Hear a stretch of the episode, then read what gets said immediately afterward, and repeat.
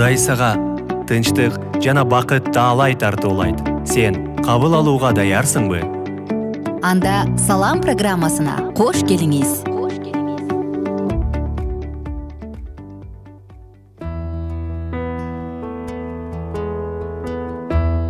Кутман күнүңүздөр менен биздин кадырлуу угармандарыбыз замандаштарыбыз сиздер менен салам подкастын баштадык. Жана бүгүн дагы ыйык жазуу мындай дейт деп аталган сабагыбызды улантабыз ыйык жазуу эмне дейт? Ыйык жазууда эмнелер айтылган? Ыйык жазуу өзүндө эмнени камтыйт мына ушунун баардыгы тууралуу биз он беш сабак бою карап келдик. Бүгүн болсо он алтынчы сабагыбызды баштадык. Чач тарачтар алардын кесиби адамдын сыртын канчалык өзгөртө алаарын текшерип бир эксперимент коюшат экен. Ал үчүн алар көчөдөн ичимдикке берилген бирөөнү табып ал адамдык кейпин жоготуп койгон өтө төмөн бир кишини табышат экен. Алар алкоголдук ичимдикке берилген адамды жуунтуп ага жаңы чач жасалгасын жасап жаңы кийим кийгизгенге баягы сель саяк макулдугун берет. Эми чач тарачтардын алдында турган адам жана мурунку сель саяк экөө бир адам экенине ишенүү кыйын эле. Анын сырткы келбети сонун болуп калды андан кымбат атырдын жыты да жыттанып турду. Ал эмес өзүн да башкача алып жүрүп калды. Бирок эки күн өткөндөн кийин эле алкоголик жаңы кийимин сатып ага спирт ичимдигин сатып алды да мурунку жашоосуна кайтты. Ооба чач тарачтар анын сырткы келбетин өзгөрттү дечи. Бирок анын табияты менен ой жүгүртүүсүн өзгөртө алышкан жок.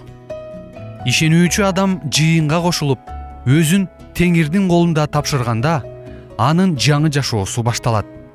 Эми анын идеалдары менен баалуулуктары түп тамыры менен өзгөрөт. Эгерде мурун анын кызыкчылыктарынын башында материалдык дүйнө турган болсо эми баарынан мурда кудайдын падышачылыгын жана адилеттигин издегиле ошондо мунун баары кошулуп берилет деген ыйса машаяктын сөзүнүн жарыгында жашашат сизди кызыктырган баардык суроолорду whatsapp номерине жазыңыз.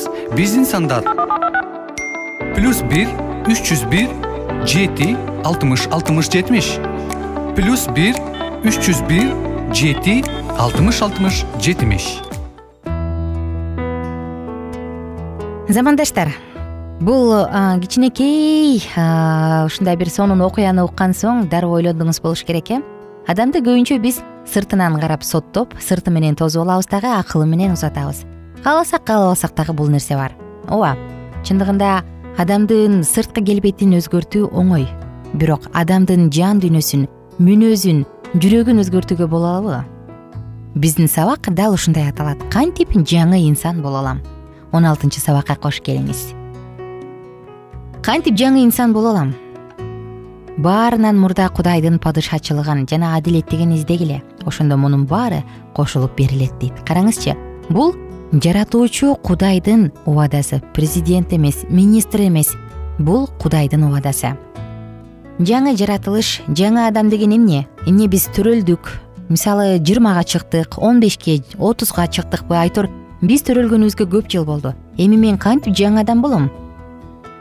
Жаңы инсан болууга мүмкүнбү? Мындай суроолор сизде дагы бар деп ойлойм сизде дагы суроолор бар болсо жана мүнөзүңүздү өзгөртүп өзүңүздүн үстүңүздөн иштеп улам жеткилеңдикке умтулууну кааласаңыз. Же болбосо жакындарыңызга ушундай бир жагымсыз сезимдерди тартуулаган жакындарыңыздын жүрөгүн ооруткан мүнөзүңүз бар болсо өзгөргүңүз келип жүрсө бирок такыр кантип өзгөрүштү билбей атсаңыз анда whatsapp номурга жазыңыз биз сиз менен чогуу сыйынууга даярбыз.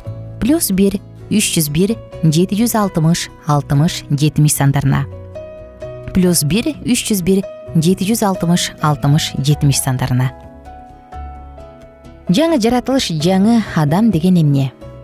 Жаңы осуятта бир нече жолу машаякчы адамды жаңы адам деп бекеринен атаган эмес. Кызык болсо колуңузга инжил китебин кармаңыз дагы экинчи корунтуктарга жазылган кат беш он жетини галаттыктарга жазылган кат алты он бешти караңыз. Машаякты куткаруучум деп кабыл алгандан кийин адам жашоосундагы баардык жаман нерселерден арылганга аракет кылат. Биздин өзгөрүлүшүбүз кудайдын эрки ошондуктан биздин жакшы жакка өзгөрүлүшүбүз үчүн биздин каалообуз болсо кудай жардам берүүгө даяр. Жана жаңыдан ыйсаны жана анын окутуусун таанып билүүдө гана өсөт. Жаңы адам ыйсаны таанып билгенде анын окутуусун окуп үйрөнүп изилдегенде гана өсөт теңир ар бир ишенүүчүнүн жолунда кабылган кыйынчылык жана сыноолорду жеңгенге жардам берет. Бул темада мен никодим жөнүндө эстеп кеттим сен кайра жогорудан төрөлүшүң керек дегенде. Эми мен кантип төрөлөм? Мен килейген кишимин энемдин курсагына кирмек белем дейт э? Анысы кандай ооба? Жаңы адам дегенде биз ар бирибиз кайра кичинекей лялечка болуп төрөлүшүбүз керек дешибиз мүмкүн. Бирок адамдын жан дүйнөсү адамдын жүрөгү кулк мүнөзү өзгөрүүгө жөндөмдүү кантип? Бир гана кудайдан кечирим алуу менен ыйса машаяк сен менин күнөөлөрүм үчүн өлгөнүңө ишенем дегенден кийин биз бул нерсени кыла алат экенбиз. Ыйса машаяктын образы кайда? Жана эмнеде көрүнүшү керек? Ыйса машаякка кантип окшошобуз? Жаңы адам болгондон кийин жогоруда айтпадыкпы э ыйсанын жана окутуусун кенен таанып билүү деп. Демек жаңы адам болуп өзгөрүшүбүз үчүн кудайдан ыйсадан кечирим алган соң аны андан ары билишибиз керек.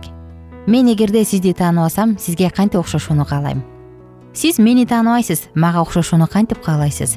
Ал үчүн сиз мени менен таанышып кенен билип анан суктанышыңыз керек. Ии мен да ушундай болгум келет деп. Жана мен дагы мына ошол сыяктуу эле ар бирибиз ыйса машаякка окшошууну кааласак демек анын образын таанып билүү зарыл. Ыйса машаяктын образы кайда? Жана эмнеде көрүнөт?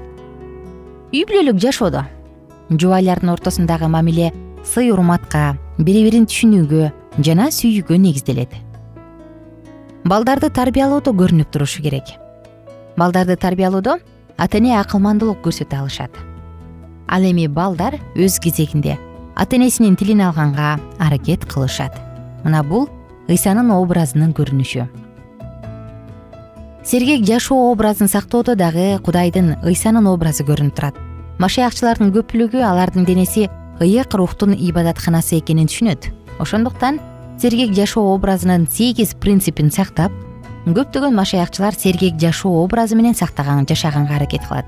Эмне болгон сегиз принцип десеңиз ал китап чекит медиа сайтына кириңиз дагы сиздин ден соолугуңузду чыңдап жашооңузду бактылуу кыла алган сегиз принципке көңүл буруңуз. Жана коомго таасир берүүдө дагы адамдын ыйсанын образы көрүнүп турат. Жашообуз бир гана жыйында же үй бүлөдө эмес а баардык жерде болот э жумушта дүкөндө коомдук транспортто айтор баардык жерде биз машаякчы экенибизди унутпашыбыз керек. Биздин сабактар менен кененирээк ал китап чекит медиа сайтынан таанышыңыз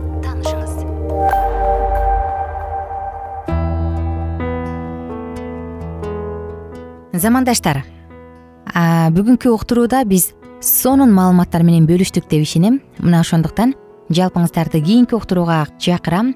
Ыйсанын образын кантип таанып билиш керек? Жана кантип мен мүнөзүмдү өзгөртө алам? Кантип мен жаңы адамдай болуп жаңылана алам? Канткенде мага ким жардам бере алат деген суроолоруңуз болсо анда биздин кийинки подкастты калтырбаңыз. Мына ошол жерде дагы кененирээк сөз болот. Бүгүн болсо азыркы учурда мүнөзүңүздү өзгөрткүм келет. Деген угармандарыбыз болсо жазыңыздар. Плюс бир үч жүз бир жети жүз алтымыш алтымыш жетимиш сандарына биз тараптан колдон келген жардамды көргөзөбүз. Плюс бир үч жүз бир жети жүз алтымыш алтымыш жетимиш сандарына. Кээде биздин оор мүнөзүбүз жаман кыялыбыздан өзүбүз эмес жакындарыбыз жапа чегип калышат. Бул нерсени каалабайбыз бирок баары бир кылып алабыз. Эгер сизде дагы ушундай жагдай болсо негизи эле жан дүйнөңүзгө бир сыйра бир көңүл буруп бир көз жүгүртүп мен ушундай кылып тынчтыкка ээ болгум келет жашоомду иреттегим келет десеңиз анда биздин whatsapp номурга жазсаңыз болот. Ар бир жанга тынчтык каалап. Ободо салам уктуруусу кийинки уктурууда кайрадан сиздер менен чогуу саатыбызды улантабыз. Ага чейин амандашканча сак саламатта туруңуздар.